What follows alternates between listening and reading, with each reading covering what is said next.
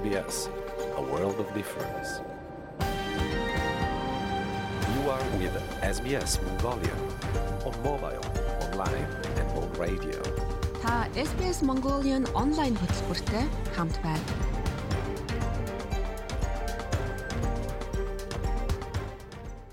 Сайн байцгаана уу? Австрал зугаан монголчуудаа. SBS радиогийн монгол хэл дээрх хөтөлбөрийн шин дугаар эхлэхэд бэлэн боллоо. Манай өнөөдрийн дугаараар та бүхэн Австралид амьдардаг монголчуудын төвийг хуваалцаж, Австралид оршин суугатж, мөн англи хэлний хичээлийг хүлээн авч сонсоорой. Мэдээж дундуур нь Монголын хамтлаг дуучдын уран бүтээлийг бид аль биесны эрхтэйгээр танд хүргэх болно. Ингээд нэг цагийн туршид бидэнтэй хамт байгаарай.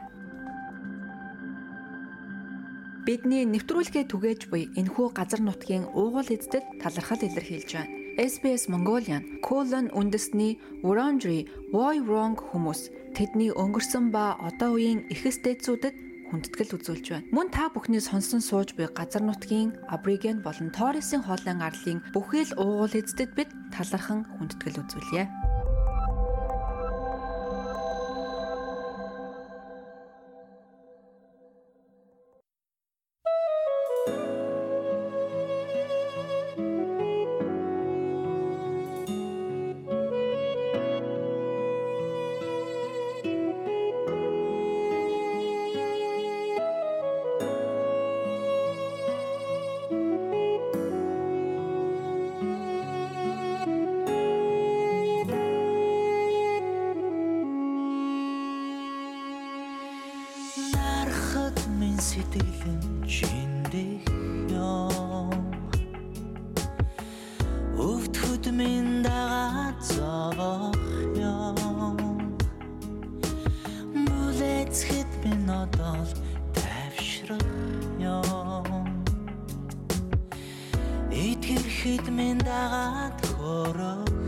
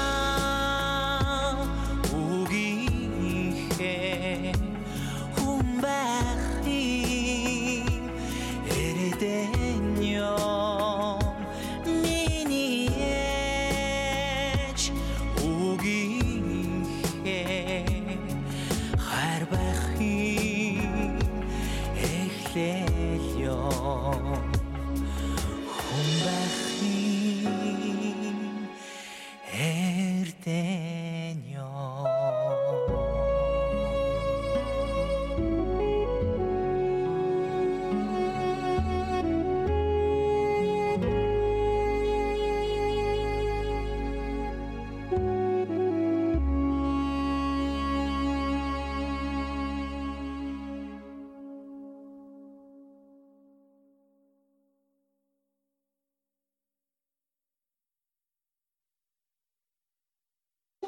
SPS Монгол нэвтрүүлэгтэй хамт байна.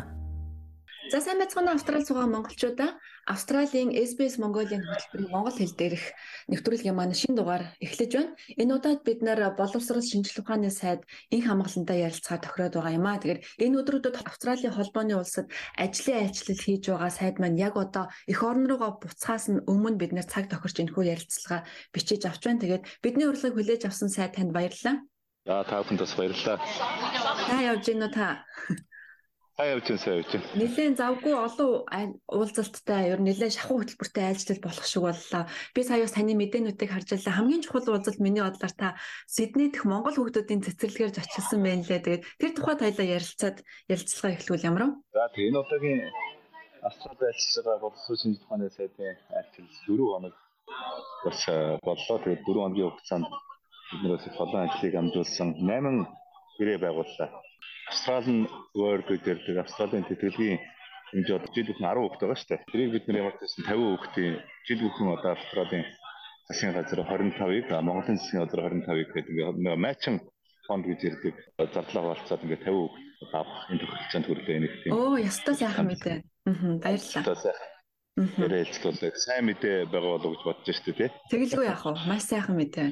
Аха. Өчтөр бас ажлын хамгийн сүүлд одоо яг Сиднейд байгаа Монгол сургуулаараа бас очлоо. Тэгээд бас 100 юу 10 20 орчим хүүхэд бас байдаг юм байна. Нэр нь тэгээд энэ хилийн чамд байгаа энэ монголчуудынхаа хүүхдүүдийг яавал бид нар монгол хүн болох уу?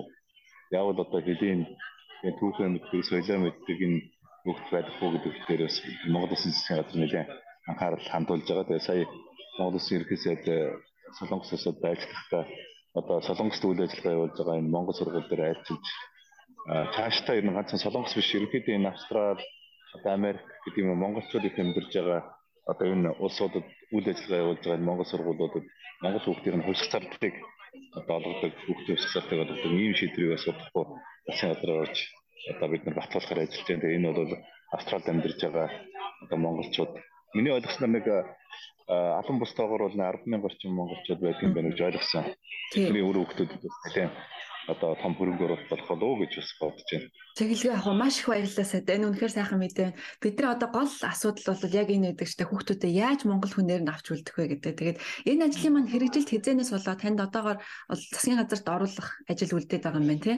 Тийм би нэг 2-7 хоногийн дараа засгийн газараас засгийн газарт оруулалтын шийдвэрийг гаргана. Шийдвэр гаргана гэж би бодож байна. Яг бол ерөнхийдөө өөрөө бас энэ чиглэлээ бас анхаарал гэж над чиглэл гэсэн учраас тэгээд энэ шийдвэр гарах болов. Тэгвэл одоо Монголын хүүхэд хаана амьдарч байна, хаана сурч байгаасаа үе шалтгаалж одоо бас ингээд энэ мэддэг боловсролтой даах юм их гарчдаг шүү дээ тийм ээ. Тэгээд энэ эрхийг одоо бид хүүхдүүдэд өгөх ёстой гэж нэгдүгээр ойлгож байгаа. За хоёрдугаарт бол бидний мэдлээ цэг юм байна гэдэг энэ Монголын үндэсний анхны захин сургууль байгуулагдсан. Одоо нийт нэг 20 мянган орчим хүүхдүүд яг энэ захин сургуулиар сурж байгаа. Тэгээд энэ захин сургуулийн ач холбогдол бол бас энэ хэдийн зам ажиллаж байгаа, амьдарч байгаа энэ монголчууд өрөвхтэй одоо ингээд заавч танхимаар сурах биш ингээд бас энэ захимаар сургаад тэгээд нөгөө сургуулийнхын гэрчлэгээ биш та одоо баталгаажуул баг сургууль төгссөн, дунд сургууль төгссөн, ах сургууль төгссөн энэ гэрчлэгээний баталгаажуултыг бид нар бас олгох бас улс улс хоорондоо бас ингээд энэ гэрчлэгээтүүдийг бүлээн зөвшөөрөх. Тийм ээ одоо шинэ Монгол 5 дугаар ангид байж байгаа ирсэн бол энэ дэс 5 дугаар ангидаа шууд авахнаас үлээж өчиг төвчнгийн боловсролын хүлээн зөвшөөрдөг бас энэ ажлуудыг бид хийж эхэлж байгаа. Энэ бас хэдийн цаг амьдарч байгаа монголчууд бол нэгэн одоо гол дэмжлэг байх болов уу гэж бодож штеп. Тэгэлгүй яг энэ бас л яг бидний хүлээж яадаг зүйл байна. Тэгээ альчлалын хүрээнд та бас Австралийн олон ихтэй сургуулийн удирдлагуудтай уулзаж хоёр орны хамтарсан хөтөлбөрүүдийг хэрэгжүүлэхээр тохирсон байсан. Тэгээ энэ тухайд бас ярилцвал Тэгэхээр манай элчин сайд даваасран элчин сайд маань бол бас үнэхээр энэ энэ удаагийн ажлыг маш өндөр түвшинд зохион байгууллаа. Тэгээд House Representative гэж одоо манай их хурлын доотлын компьютерийн хоёр ерөнхийдөө спикертэй бас уулзах надад боломж олгоо. Тэгээд нэг одоо Плэй гэж одоо болдог нэр хүндтэй улс төрчин гэнэт ялсан шүү дээ.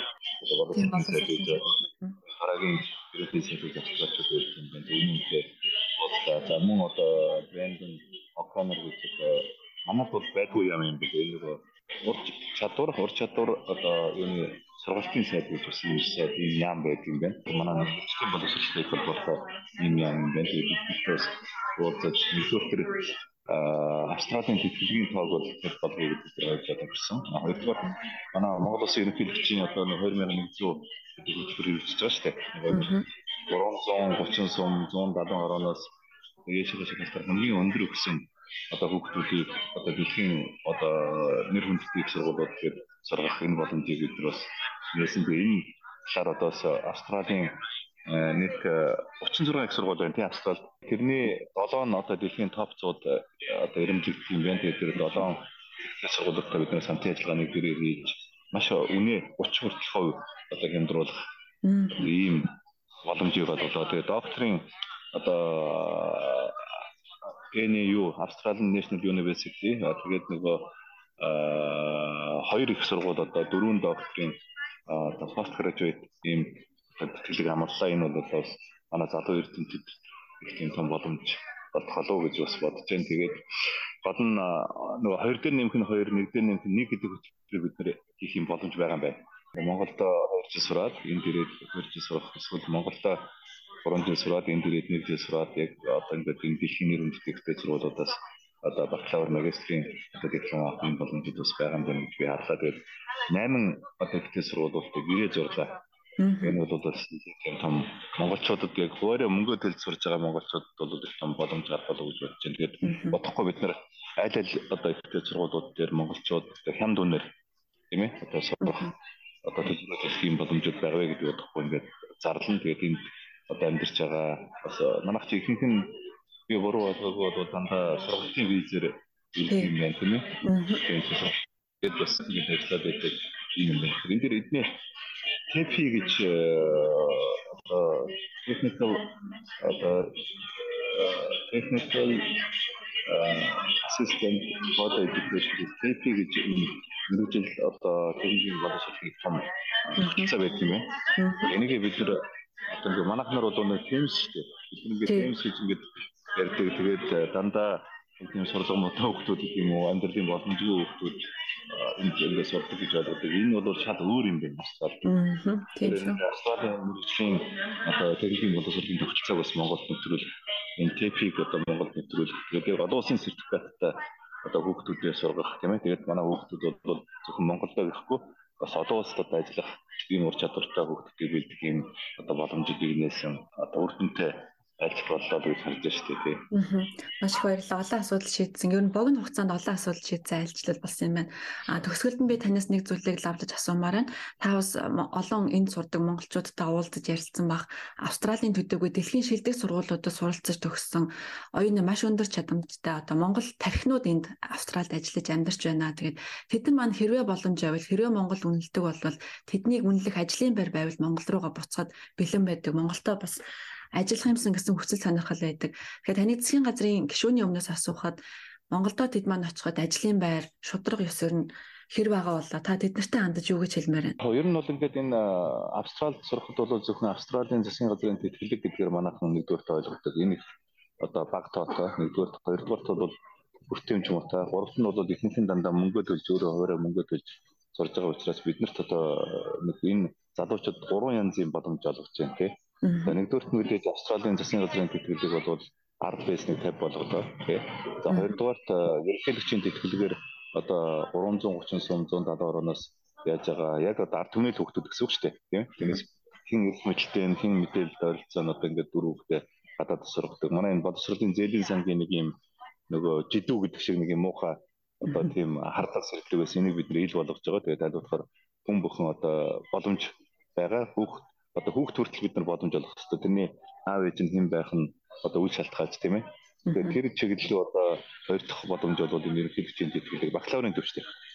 А юу нь ерөнхий сайдын төлөвлөг бол бид нар магистр докторантурын одоо сургалтуудыг илүү дэмжиж гэж байгаа нөгөө Монгол Улсын засгийн газрын шин сэргэлтийн нөгөө 6 бодлогын хүрээнд одоо бид нар 40 мянган инженер гэдэг ажилтнууд хэрэгтэй байгаа. Тэгэхээр энэ хүрээнд бас бид нар илүү мастер докторантурын сургалтуудыг дэмжиж судалгааны одоо чиглэлээр сурж байгаа одоо магистр докторантуудыг дэмжиж гэсэн ийм бодлого явуулсан. Тэгэхээр өчтөр би энэ Австрали улсад докторантураар сурж байгаа, доктороо сурж байгаа бас төлөөлөлтөй 20 гаруй залуучуудтай уулзлаа. Энэ бол одоо манай оюуны баялаг юу оюун толгой тийм.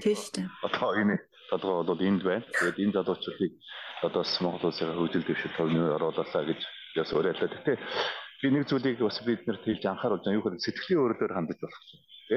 Бид нар ч бас нөгөө зөвгийгээд нэг арга хэмжээ хийгээд баахан залуучууд маань сэтгэлийн өөрлөөр Монголдо очиод тэгээд ингээд буцаад нөгөө ажлын байранд байхгүй энд өөрийнхөө өөрийнхөө одоо бас олсон карьерийг алдсан тийм ингээд боломжийг алдсан юм залуучууд орсон. Тэгээд тэр би алдаг давтмааргүй байна.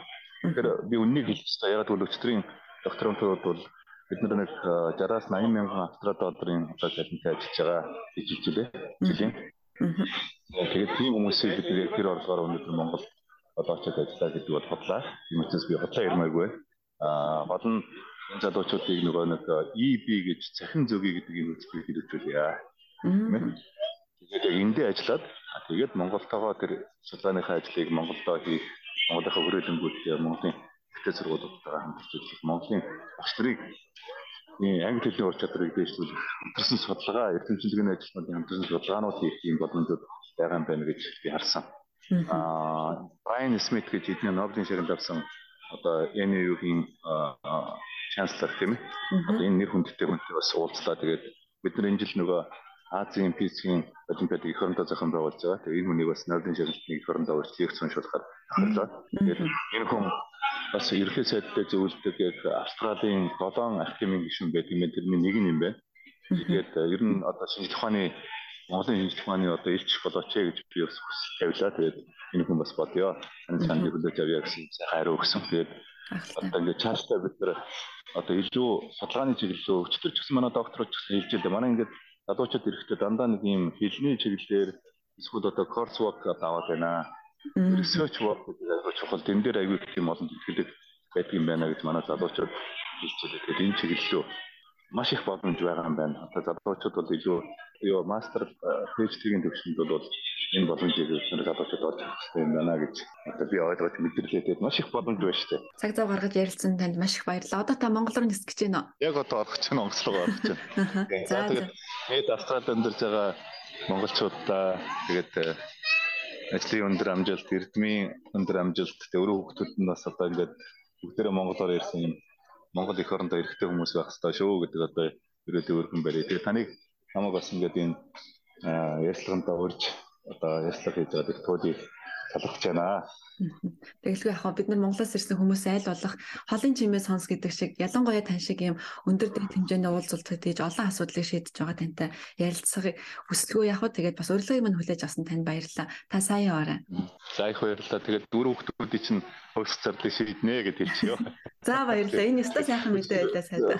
Сурах хүчиг, өстөр сурах хүчиг. Бид нар энэ энд байгаа энэ Монгол хүүхдүүдийнхээ сургуулийг дэмжмээр юм байна. Түрээсийн зардал, сурах хүчгийн асуудал, энэ судалгааны асуудал, багшийн ур чадрын асуудлууд гэдэг ингээд өчтөр бас нөгөө хин оюума тий андуураг бол австралид одоо яг монгол хэлний багш хийж байгаа. Оюума багш. За шинэ зеланд байж байгаа сувда багш, нина энэ гэдэг тийм монгол сайхан сэтгэлтэй монгол хүүхдүүдийг монгол хэлтэй болгож байгаа энд анхаар зэжих их олон сайхан багш нар байдаг юм байна. Тэгээд эднийхээ эднэрээр одоо бахархлаа тэгээд эднэрт нь жилийн өндөр амжилт хүсье өрөөё.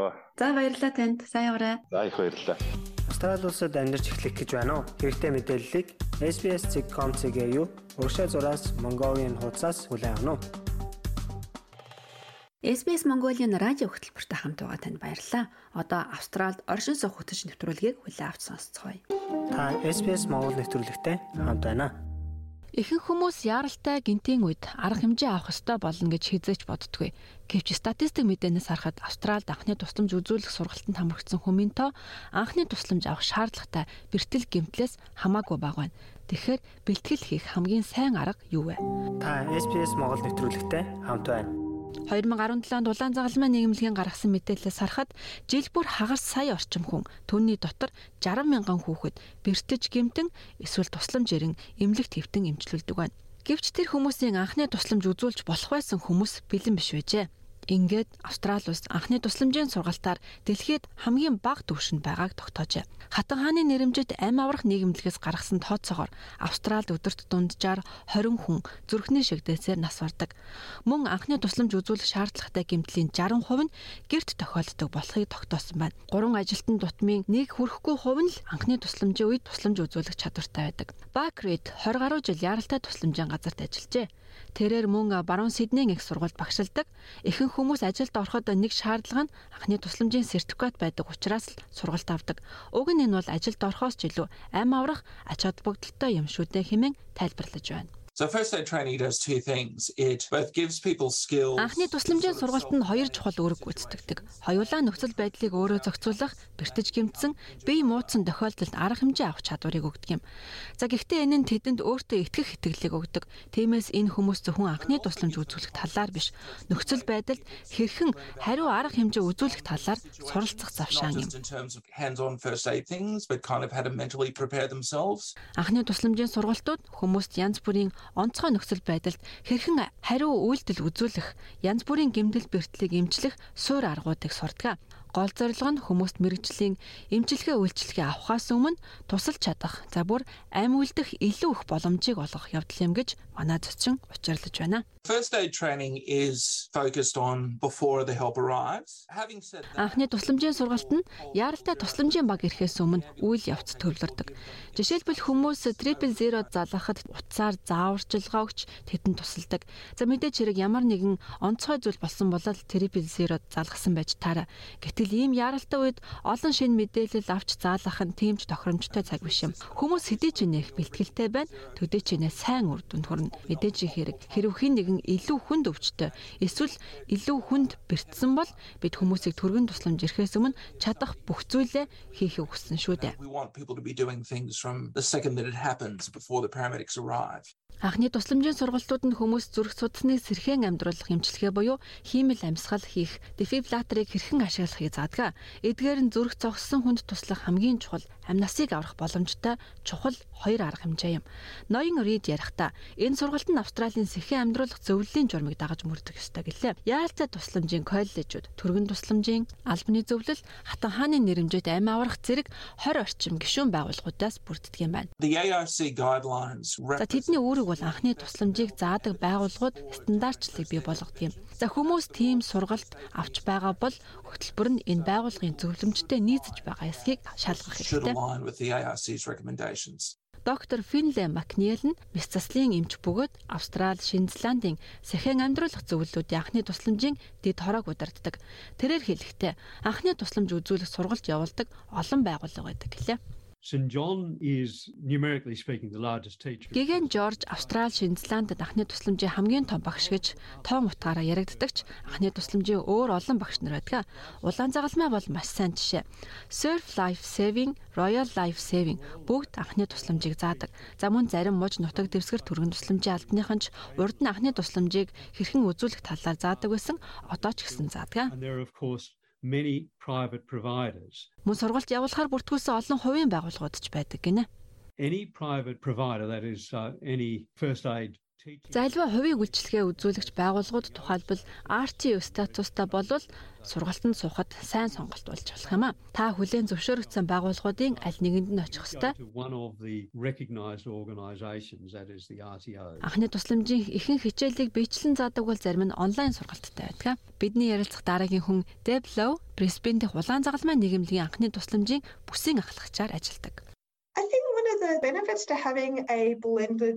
Сургалтыг биечлэн болон онлайн холимог хийхийн давуу тал нь тэдэнд өөрийн цагт нийцүүлэн өөрийн хэмнэлээр хийх боломжийг олгодог. Ингэх нь мэдээлэл шингээхэд баг зэрэг илүү цаг шаарддаг янз бүрийн төрлийн хүмүүст чухал ач холбогдолтой гэж би боддог. За бас эргэж буцаж зарим мэдээллийг дахин уншиж эргэн харах боломжийг ч олгодог. За бид мөн онлайн сургалтандаа олон хэлээр орчуулан хүргэх боломжийг олгодог.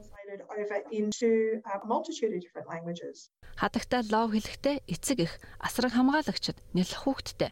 За хүүхдэд анхны тусламж үзүүлэх шаардлагатай бол яг ийм чиглэлийн сургалтанд хамрагдах боломжтой гэлээ. Насан туршид болон няраа хүүхдэд үзүүлэх анхны тусламж ялгаатай. Бид гэрийн аюулгүй байдал, гэр доторх эрсдлийг бууруулах, за мөн амьсгал боогдох, астма, харшил, цус алдалт зэрэг нөхцөлд хэрхэн арга хэмжээ авах талаар ярилцдаг. Энэ сургалтын цаад санаа нь таны гаргаж байгаа шийдвэр аюулгүй, өөртөө ихтэй байх, шаардлагатай бол тусламж үзүүлэх бусад их үүсүүд рүү холбогдох мэдээллээр call. Австралид анхны тусламжийн мэрэгчлийг 3 жил тутам шинжилж байх ёстой бөгөөд жил бүр зүрхний амьсгалыг сэргээх сургалтанд хамрагдахыг зөвлөж байна. Доктор Макнел тайлбарллаа. Training is really important for CPR. Сургалт үнэхээр чухал. Энэ талаар бэлтгэгдсэн байх нь үнэхээр тусалдаг. Харамсалтай нь одоогийн байдлаар австралчуудын дөнгөж 5% нь л анхны тусламжийн гэрчлэгээтэй байж магадгүй юм. Зүрхний болон амьсгал оруулах чадвар цаг хугацаа өнгөрөх тусам багассаар байдаг. Actually fades with time since you last used it. Анхны тусламжийн сургалтууд үргэлжлэх хугацаа нь өөр өөр байдаг. Зарим нь хэдэн цагаас 2 өдөрч явагддаг. За зарим нь улсын хэмжээнд магадлан итгэмжлэгдсэн байхад зарим нь итгэмжлэгдээгүй сургалтууд ч байдаг. Зарим нь офисын орчинд тохиромжтой, бусд нь гадаа ажлын байранд тохиромжтой. Ноён ирээд дадлагчигчид өөрсдийн ажлын байран дээр нийцсэн хичээлийг авах нь зүйтэй гэж хэллээ. Энэ нь тэд ямар ч хичээл зориулагдсан тодорхой стандартын дагуу заадаг гэсэн үг юм. Мөн ажлын байрны сургалтын багц өөр өөр модулуудтай байдаг. Тиймээс хэрв та үнийг ажлын урьдчилсан нөхцлөөр хийж байгаа бол тухайн ажлын байрандаа эсвэл тухайн хэрэгцээнд тохирсон хичээлийг авах нь танд ашигтай. Магадлал итгэмжлэгдсэн курсүүдээс гадна олон ашигын бус байгууллага, олон нийтийн байгууллага төргөн тусламжийн үйлчилгээ нь анхны тусламжийн үн төлбөргүй сургалтыг санал болгодог. Ноён ирээд өөрөөр хувилбаруудыг авч үзхийг зөвлөж байна. Сонголт их олон төрлийн сургалт байгаа. Тухайн газруудын курс хэрхэн зохион байгуулагдсан гэх мэт хүмүүсийн сэтгэгдлийг харах хэрэгтэй. Хүмүүс өөрсдийн хэрэгцээнд тохирсон сургалтыг сонгох нь бас чухал юм. Тиймээс хэрвээ бага насны хүүхэдтэй бол хүүхдэд үзүүлэх тусламжийн сургалт авах нь зүйтэй. Энэ нь тэдэнд хэрэгтэй тодорхой мэдээллийг өгөх болно.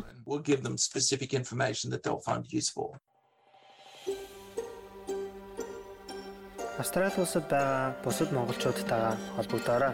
SBS.com.cg юу уршаа зураас Mongolian хуудасаар зочлоорой. Манай радио хөтөлбөр Монголын уран бүтээлчдийн дууг албан ёсны эрхтэйгээр танд хүргэдэг. Ингээд нэгэн уран бүтээлийг танд зориулъя.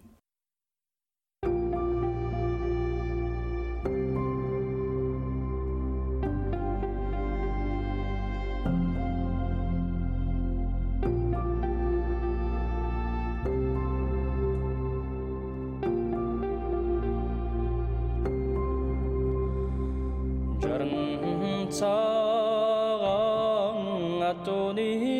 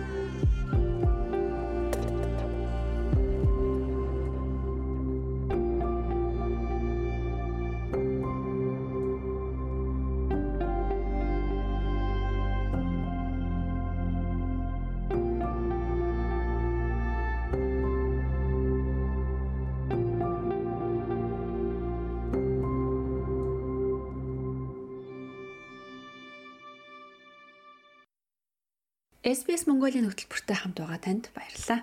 Та SBS Монгол нэвтрүүлэгтэй хамт байна. Австрали даяар түрээсийн байрны төлбөр нэмэгдэж байна.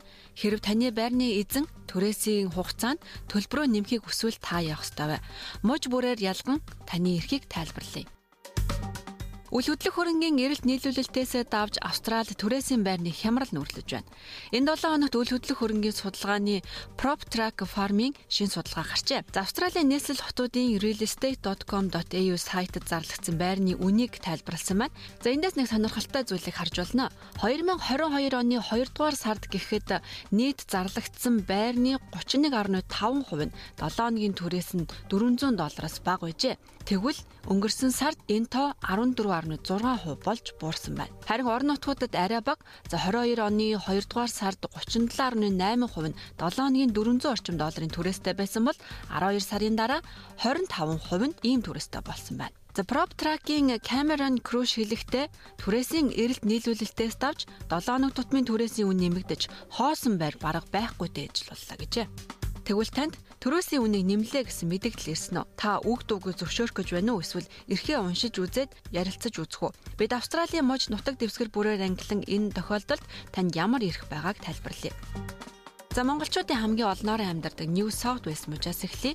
2 жилээс бага хугацаатай гэрээ байгуулсан түрээслэгчийн хувьд зөвхөн гэрээнд заасан тохиолдолд түрээсийн төлбөрийг нэмэгдүүлэх боломжтой. За түрээс нэмэх үндслээ тайлбарлаж хэрхэн тооцсон аргачлалаа танд үзүүлэх ёстой. New South Wales Fair Trading зах зээлтэй нийцэж байгаа гихмэд тооцоолын тодорхой бус мэдээллийг хүлээн зөвшөөрөхгүй гэж үзжээ. 2 ба түүнээс дээш жилээр гэрээ байгуулсан хүмүүсийн хувьд түрээсийг 12 сард нэг удаа нэмж болохоор хязгаарласан байдаг. Гэхдээ танд дор хаяж 60 хоногийн өмнө бичгээр мэдэгдэх ёстой. Харин түрээсээ сар бүр төлөхөөр гэрээлсэн байсан ч үнэ нэмэх мэдээллийг өгөх ёстой бөгөөд таны түрээсийг 12 сарын хугацаанд зөвхөн нэг удаа нэмэгдүүлэх боломжтой. Хэрвээ та санал болгож байгаа үнийн өсөлтийг үндэслэлгүй гэж үзэж байгаа бол тухайн байрны эзэндээ тохиролцохыг оролдож болно. Хэрвээ та нэмэгдлийг хүлээн зөвшөөрөхгүй байгаа бол New South Wales мужийн иргэний болон захиргааны иргэн шүүхээр хэлэлцүүлэх хүсэлт гаргаж болно. Тэгвэл одоо Виктория мужийн оршин суугчдын эрхийн талаар мэдээллээ. Хэрвээ та фикс термер гэрээ байгуулсан гэрээнд заагаагүй тохиолдолд түрээсийн үнийг нэмэгдүүлэх боломжгүй. Хэрэг гэрээнд тусгасан байгаа бол танд 60 хоногийн дотор бичгээр мэдэгдэл өгөх ёстой. Яг ийм мэдэгдлийг сар сараар төлбөрөө төлөхөөр тохирсон байсан үед ч өгөх ёстой. Викториягийн хуулиудад таны түрээсийг хэр хэмжээгээр нэмэгдүүлэхийг хязгаардаггүй. Гэхдээ ерөнхийдөө 12 сар тутамд зөвхөн нэг удаа нэмж болно гэж заажээ. Мөн төлбөрийг хэдээр нэмж энэ өсөлтийг хэрхэн тооцсон тухай тайлбарыг танд өгөх ёстой. Хэрв та үнийн өсөлтийн талаар ярилцаж байрны эзэнтэй тохиролцохыг оролдсон боловч шийдэлд хүрч чадаагүй бол хэрэглэгчийн асуудал эрхэлсэн байгууллагад хандаж болно. Энд та үн өсгөх тухай мэдээллийг хүлээн авснаас хойш 30 хоногийн дотор үн төлбөргүй түрээсийн үнэлгээ хийлгэж болтгоо. Хэрэглэгчийн асуудал эрхэлсэн энэ байгууллага үл хөдлөх хөрөнгийг шалгаж танд болон таны эзэнд үнэлгээ өгөх болно. Ингээд хэд өндөр өсөлт гаргасан байна гэж үзвч түрээслүүлж байгаа хүн үнэ бууруулахаас татгалзуул та Викториягийн иргэний болон захиргааны шүүхэд асуудлыг хэлэлцүүлэх хүсэлт гаргаж болно. Гэхдээ та үнэлгээг хүлээн авснаас хойш 30 хоногийн дотор энэ алхмаа хийх ёстой. За Квинслендчүүд анхаарлаа хандуулаарай. Түрээсийн гэрээнд заагаагүй бол хугацаатай гэрээ байгуулсан хүмүүсийн түрээсийг нэмэгдүүлэх боломжгүй. Харин таны байгуулсан гэрээнд үн нэмж болох тухай заалт байгаа бол энэ нь түрээсийн хугацаа ихэснээс хойш буюу хамгийн сүүлд нэмснээс хойш 6 сарын дараа л үнэ дахин нэмж болно. Нэмэгдсэн дүнгийн хэмжээ хүчин төгөлдөр болох өдрийг дурдж нэмэгдлийн талаар 2 сарын өмнө танд бичгээр мэдэгдэх ёстой. За periodic agreement буюу тогтмол гэрээгээр түрээслэгчид 60 хоногийн өмнө үнийн өсөлтийн талаар бичгээр мэдэгдэх ёстой. За энэ нь өмнөх нэмэгдлээс 6 сарын дараа л хэрэгжих боломжтой юм. Хэрвээ түрээслэгч түрээсийн үнийн өсөлтийг хэтрүүлсэн гэж үзэж байгаа бол орон сууцны түрээсийн газраар дамжуулан маргааныг үн төлбөргүй шийдвэрлүүлэх хүсэлт гаргаж шийдвүүлж болно. Хэрв маргааныг шийдвэрлэх ажиллагаа амжилтгүй болж нүүлгэн шилжүүлэх гэх мэт яаралтай мэдэгдэл хүлээж авбал Квинслендийн иргэний болон захиргааны шүгэд өргөдөл гаргаж болно. Түрээсийн төлбөр нэмэгдсэн тухай мэдэгдлийг хүлээн авснаас хойш 30 хоногийн дотор өргөдөл гаргах ёстой. За өмнөд Австрали мужид за fixed term гэрээтэй байгаа үед гэрээнд зөвшөөрөгдсөн нөхцлөөс бусад тохиолдолд үнэ нэмэх хэрэггүй. Бусад мужуудын адилд өсөлтийн шалтгааныг хэрхэн тооцноо мэдэгдэлтэд оруулж ирүүлэх ёстой. Таны гэрээнд үн өсгөх тухай заасан байсан ч 60 хоногийн өмнө бичгээр мэдэгдэх шаардлагатай. Түрээсийн төлбөрийг хамгийн сүүлд нэмэгдүүлснээс хойш 12 сарын дараа буюу гэрээ байгуулснаас 1 жилийн дараа л ногдуулах боломжтой байдаг. За periodic agreements-ийн хувьд дээр дурдсантай адил бичгээр мэдэгдэх шаардлага мөн хамаардаг. Хэрв таны түрээсийн төлбөр нэмэгдсэн бөгөөд таны төлж байгаа нийт үн хэтэрсэн гэж үзэж байгаа бол та өмнөд Австралийн иргэний болон захиргааны хэргийн шүүхэд хүсэлт гаргаж болно. За баруун Австралийн хувьд за fixed term гэрээтэй байгаа нөхцөлд түрээсийн төлбөрийг гэрээнд заасан тохиолдолд нэмэгдүүлэх боломжтой. Өсөлтийг хэрхэн тооцноо зааж танд мэдэгдэл өгнө. Түрээсийн өсөлтийг зөвхөн сүүлийн нэмэгдлээс хойш 6 сарын дараа эсвэл түрээсийн гэрээ эхэлснээс хойш 6 сарын дараа л хийж болдог. 60-аас доошгүй хоногийн хугацаанд тус бичгээр мэдэгдэл өгөх ёстой. За periodic tenancy гэрээгээр амьдарч байгаа бол өмнөх нэмэгдлээс хойш 6 сарын дотор дахин үн нэмж болохгүй. За бусад мужуудын адил 60 хоногийн өмнө танд мэдэгдэл ирүүлнэ. Түрээсийн төлбөрийг хит өндөр гэж үзэж байгаа түрээслэгчид орон нутгийн шүүхтэй хандаж түрээсийн төлбөрийг тухайн нутаг дэвсгэрт байгаа бусад үл хөдлөх хөрөнгөтэй харьцуулах боломжтой. За мөн орон нутгийн шүүхэд өргөдөл гаргаж бууруулах хүсэлтэд гаргаж болно. Тасман мужийн хувьд түрээсийн төлбөрийг зөвхөн түрээсийн нэмэгдэл заасан бичгээр түрээслэгчид эсвэл гэрээг бичгээр байгуулаагүй тохиолдолд нэмэгдүүлэх боломжтой байдаг юм байна. За түрээсийн мэдэгдлийг 60-аас доошгүй хоногийн өмнө нэрвүүлнэ. За ингэхдээ шин түрээсийн хэмжээ эхлэх огноо зэргийг тусгайлан зааж өгөх ёстой юм байна. Үнийг 12 сард нэг удаа л өсгөж болно. Энэ нь хэрв та 6 сарын түрээсийн гэрээнд гарын үсэг зурж хугацаа дуусахад гэрээ сунгахад тэр үед танаас илүү төлбөр шаардах боломжгүй гэсэн үг юм. За түрээсийн үнийн өсөлтийг үндэслэлгүй өндөр гэж үзэж байгаа түрээслэгчдийн хувьд орон сууцны түрээсийн комист өргөдөл гаргаж хянуулахыг хүсч байна. Төв Австрали бүс нутагт хэрвээ та fixed term түрээсийн гэрээтэй байгаа бол гэрээнд үүнийг зөвшөөрсөн заалт байгаа тохиолдолд л үнийг нэмж болдог. Хэрв ингэж заасан бол өсөлтийн хэмжээ эсвэл хэрхэн тооцсон наривчлан задаргаагаа танд үзүүлэх ёстой. Хэрв 12 сараас доошгүй сарын хугацаатай fixed term гэрээний хугацаа дууссан бол 8-7 хоногийн өмнө мэдэгдэл өгснөөр нэмэгдлийг хүлээн авах боломжтой. За periodic tenancy-гийн хувьд түрээсийн төлбөрийг 12 сар тутамд нэг удаа нэмэгдүүлэх боломжтой. Мэдэгдэл мэдээллийн ижил шаардлагууд хамаарна. Хэрэв 1998 оны орон сууцны түрээсийн журамд заасан тогтоосон хэмжээнээс хэтэрсэн бол зөвшөөрөхгүй байж болно. За орон сууцны эзэн түрээсийн хэмжээг тогтоосон хэмжээнээс дээш үнээр нэмэгдүүлэхийг хүсч болно. За ингэхдээ иргэний болон захиргаанаа шүүхээр дамжуулан энэ хэмжээг нэмэгдүүлэх зөвшөөрөл авдаг юм байна. За тогтоосон хэмжээнээс доогуур түрээсийн нэмэгдлийг эсэргүүцэх хүсэж байгаа бол та нэмэгдлийг эхлэх өдрөөс доор хаяж 2-7 хоногийн өмнө Төв Австралийн иргэний болон захиргааны шүүхэд өргөдөл гаргаж болно. За бид дээр хэлсэн мууч нутаг дэвсгэр бүрийн захиргааны шүүх түрээсийн гэрээтэй холбоотой гомдол хүлээж авах байгууллагуудын захим холбоосыг нэвтрүүлгийн тайлбар хэсэгтээ орууллаа.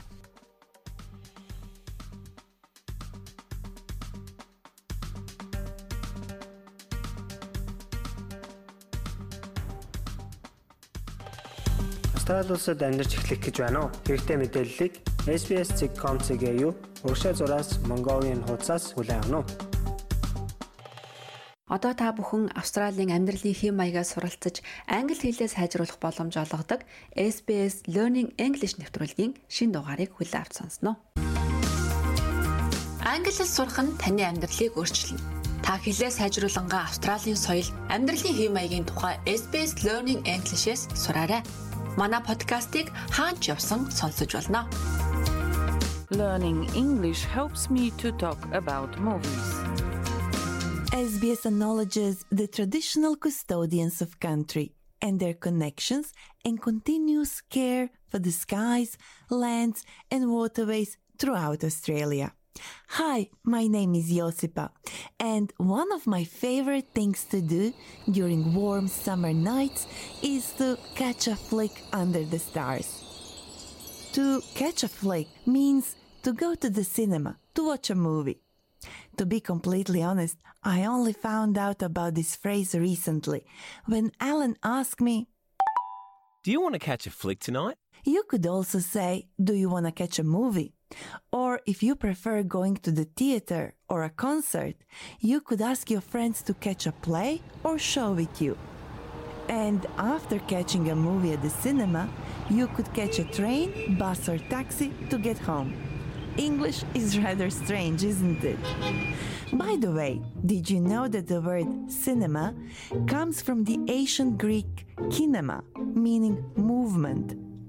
The word cinema is actually a shortened version of the French word cinématographe, which combines the Greek word kinema with another Greek word graphein, which means to write or record. So when we talk about cinema, we are describing the recording of movement. Our friends, Alan and Claire, shared this knowledge with me. You know, they're real movie buffs. That is, they know a lot about films, and they go to the cinema every week.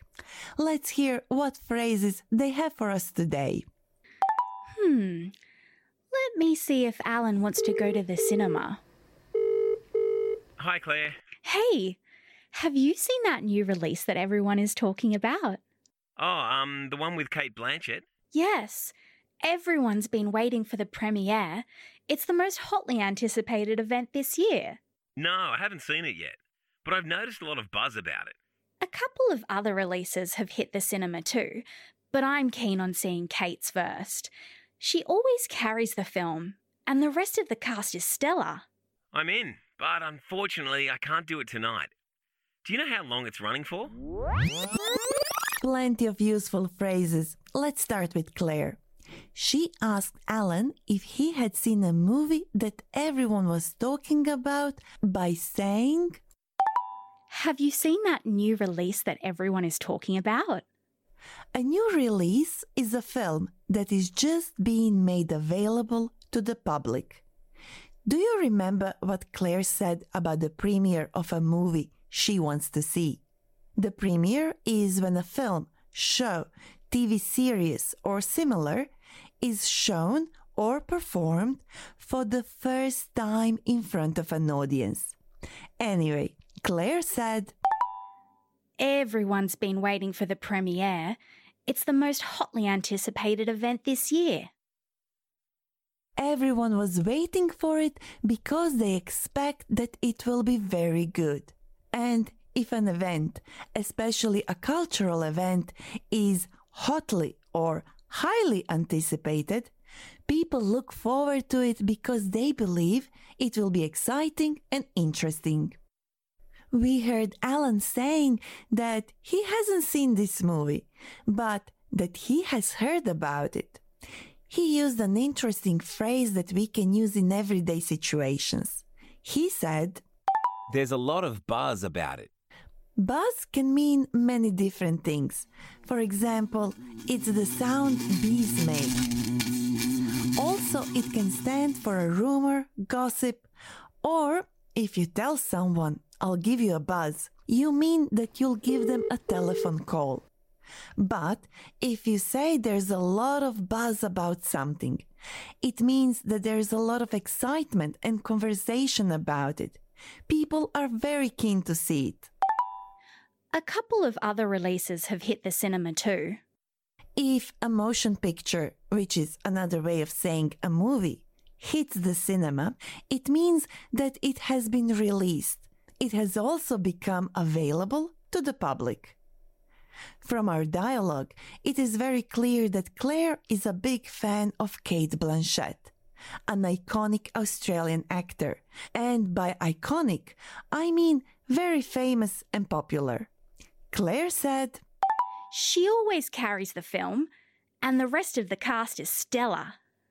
When we say an actor carries the film, it means that we think that their acting makes the movie good, even if the other actors aren't so good. But in this case, Claire said that the rest of the cast is stellar too. The cast of a movie, play, or TV show is all the actors in it.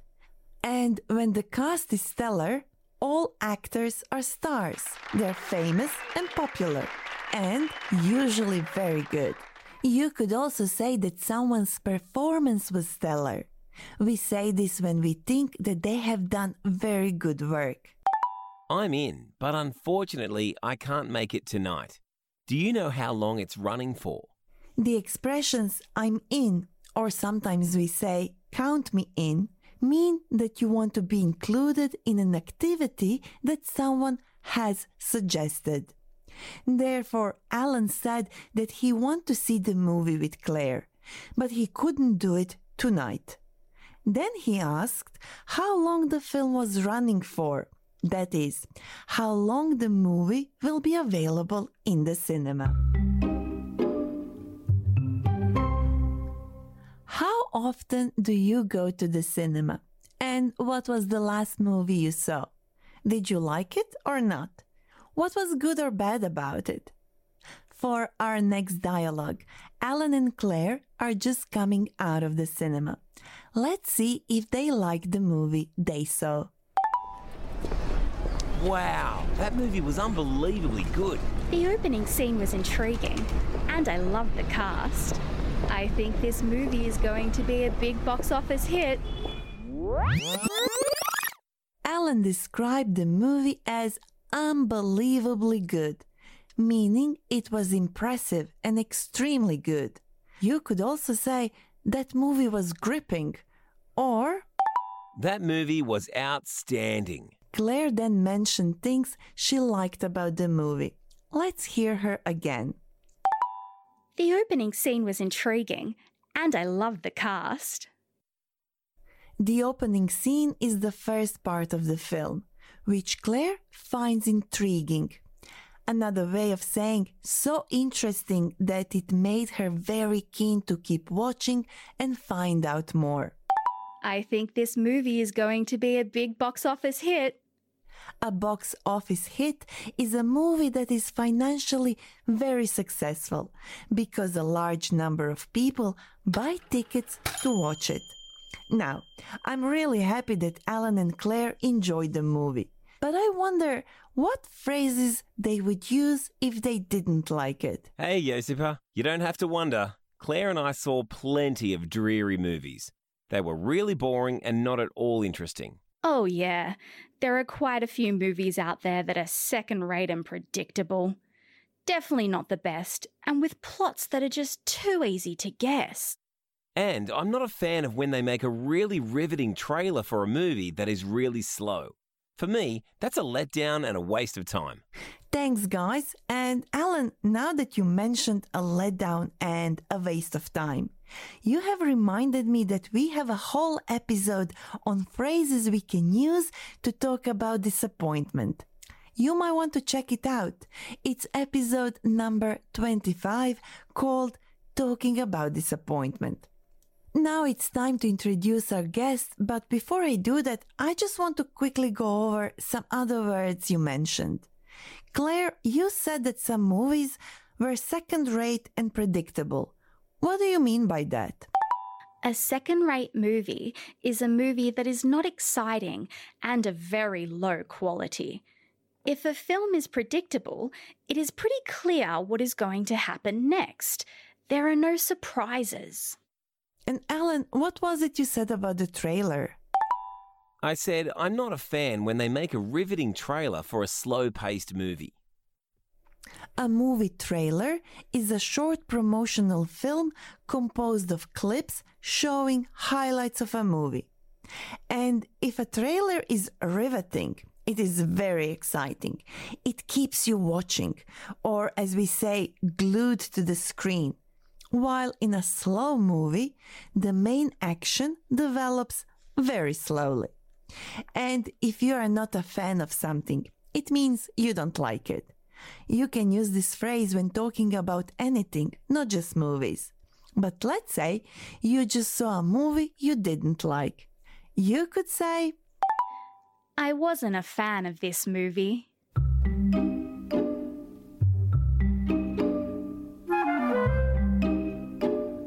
Our guest today is an Asian Australian actor, Eric So, who gave a stellar performance in our video series Meet the Changs. If you haven't seen it yet, I encourage you to check it out on our website. It's funny and it will help you improve your English language skills. Eric, would you agree? Absolutely. I had a great time working on it, and the series is absorbing, with plenty of useful tips for migrants trying to settle in Australia. Eric, I'm curious about your opportunities to work as an Asian Australian actor.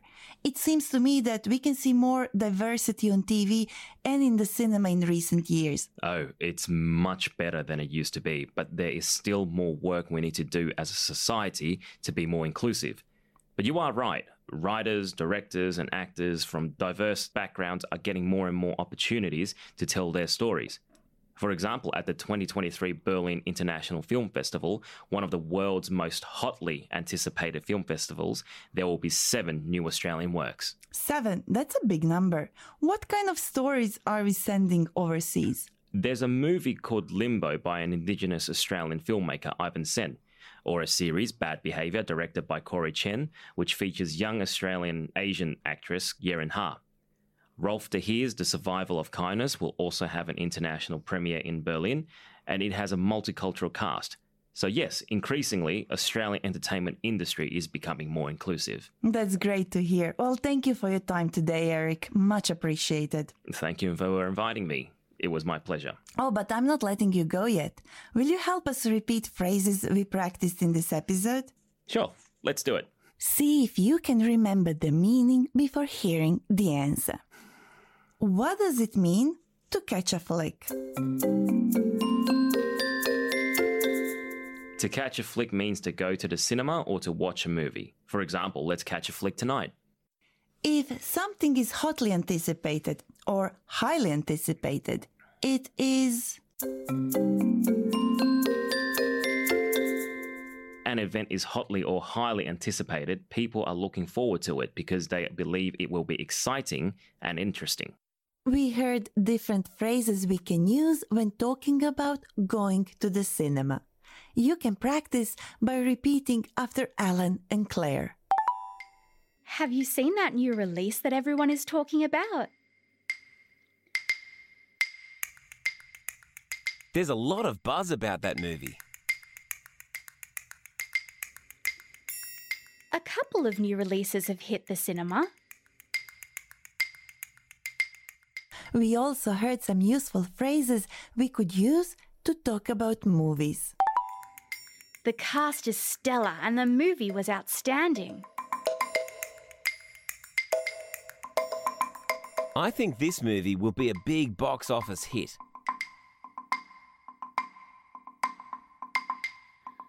Some movies are second rate and predictable.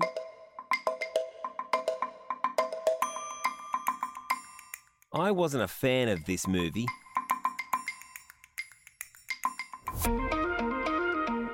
In this episode, we covered more valuable phrases, which you can find under the learning notes on our website. You can also read the transcript and test your listening and understanding skills with our quiz. You know that we love to hear from you. Get in touch through our Facebook page. We are SBS Learn English. I'm your host, Josipa. Thank you for learning English with me. SBS Learn English helps Australians speak, understand, and connect.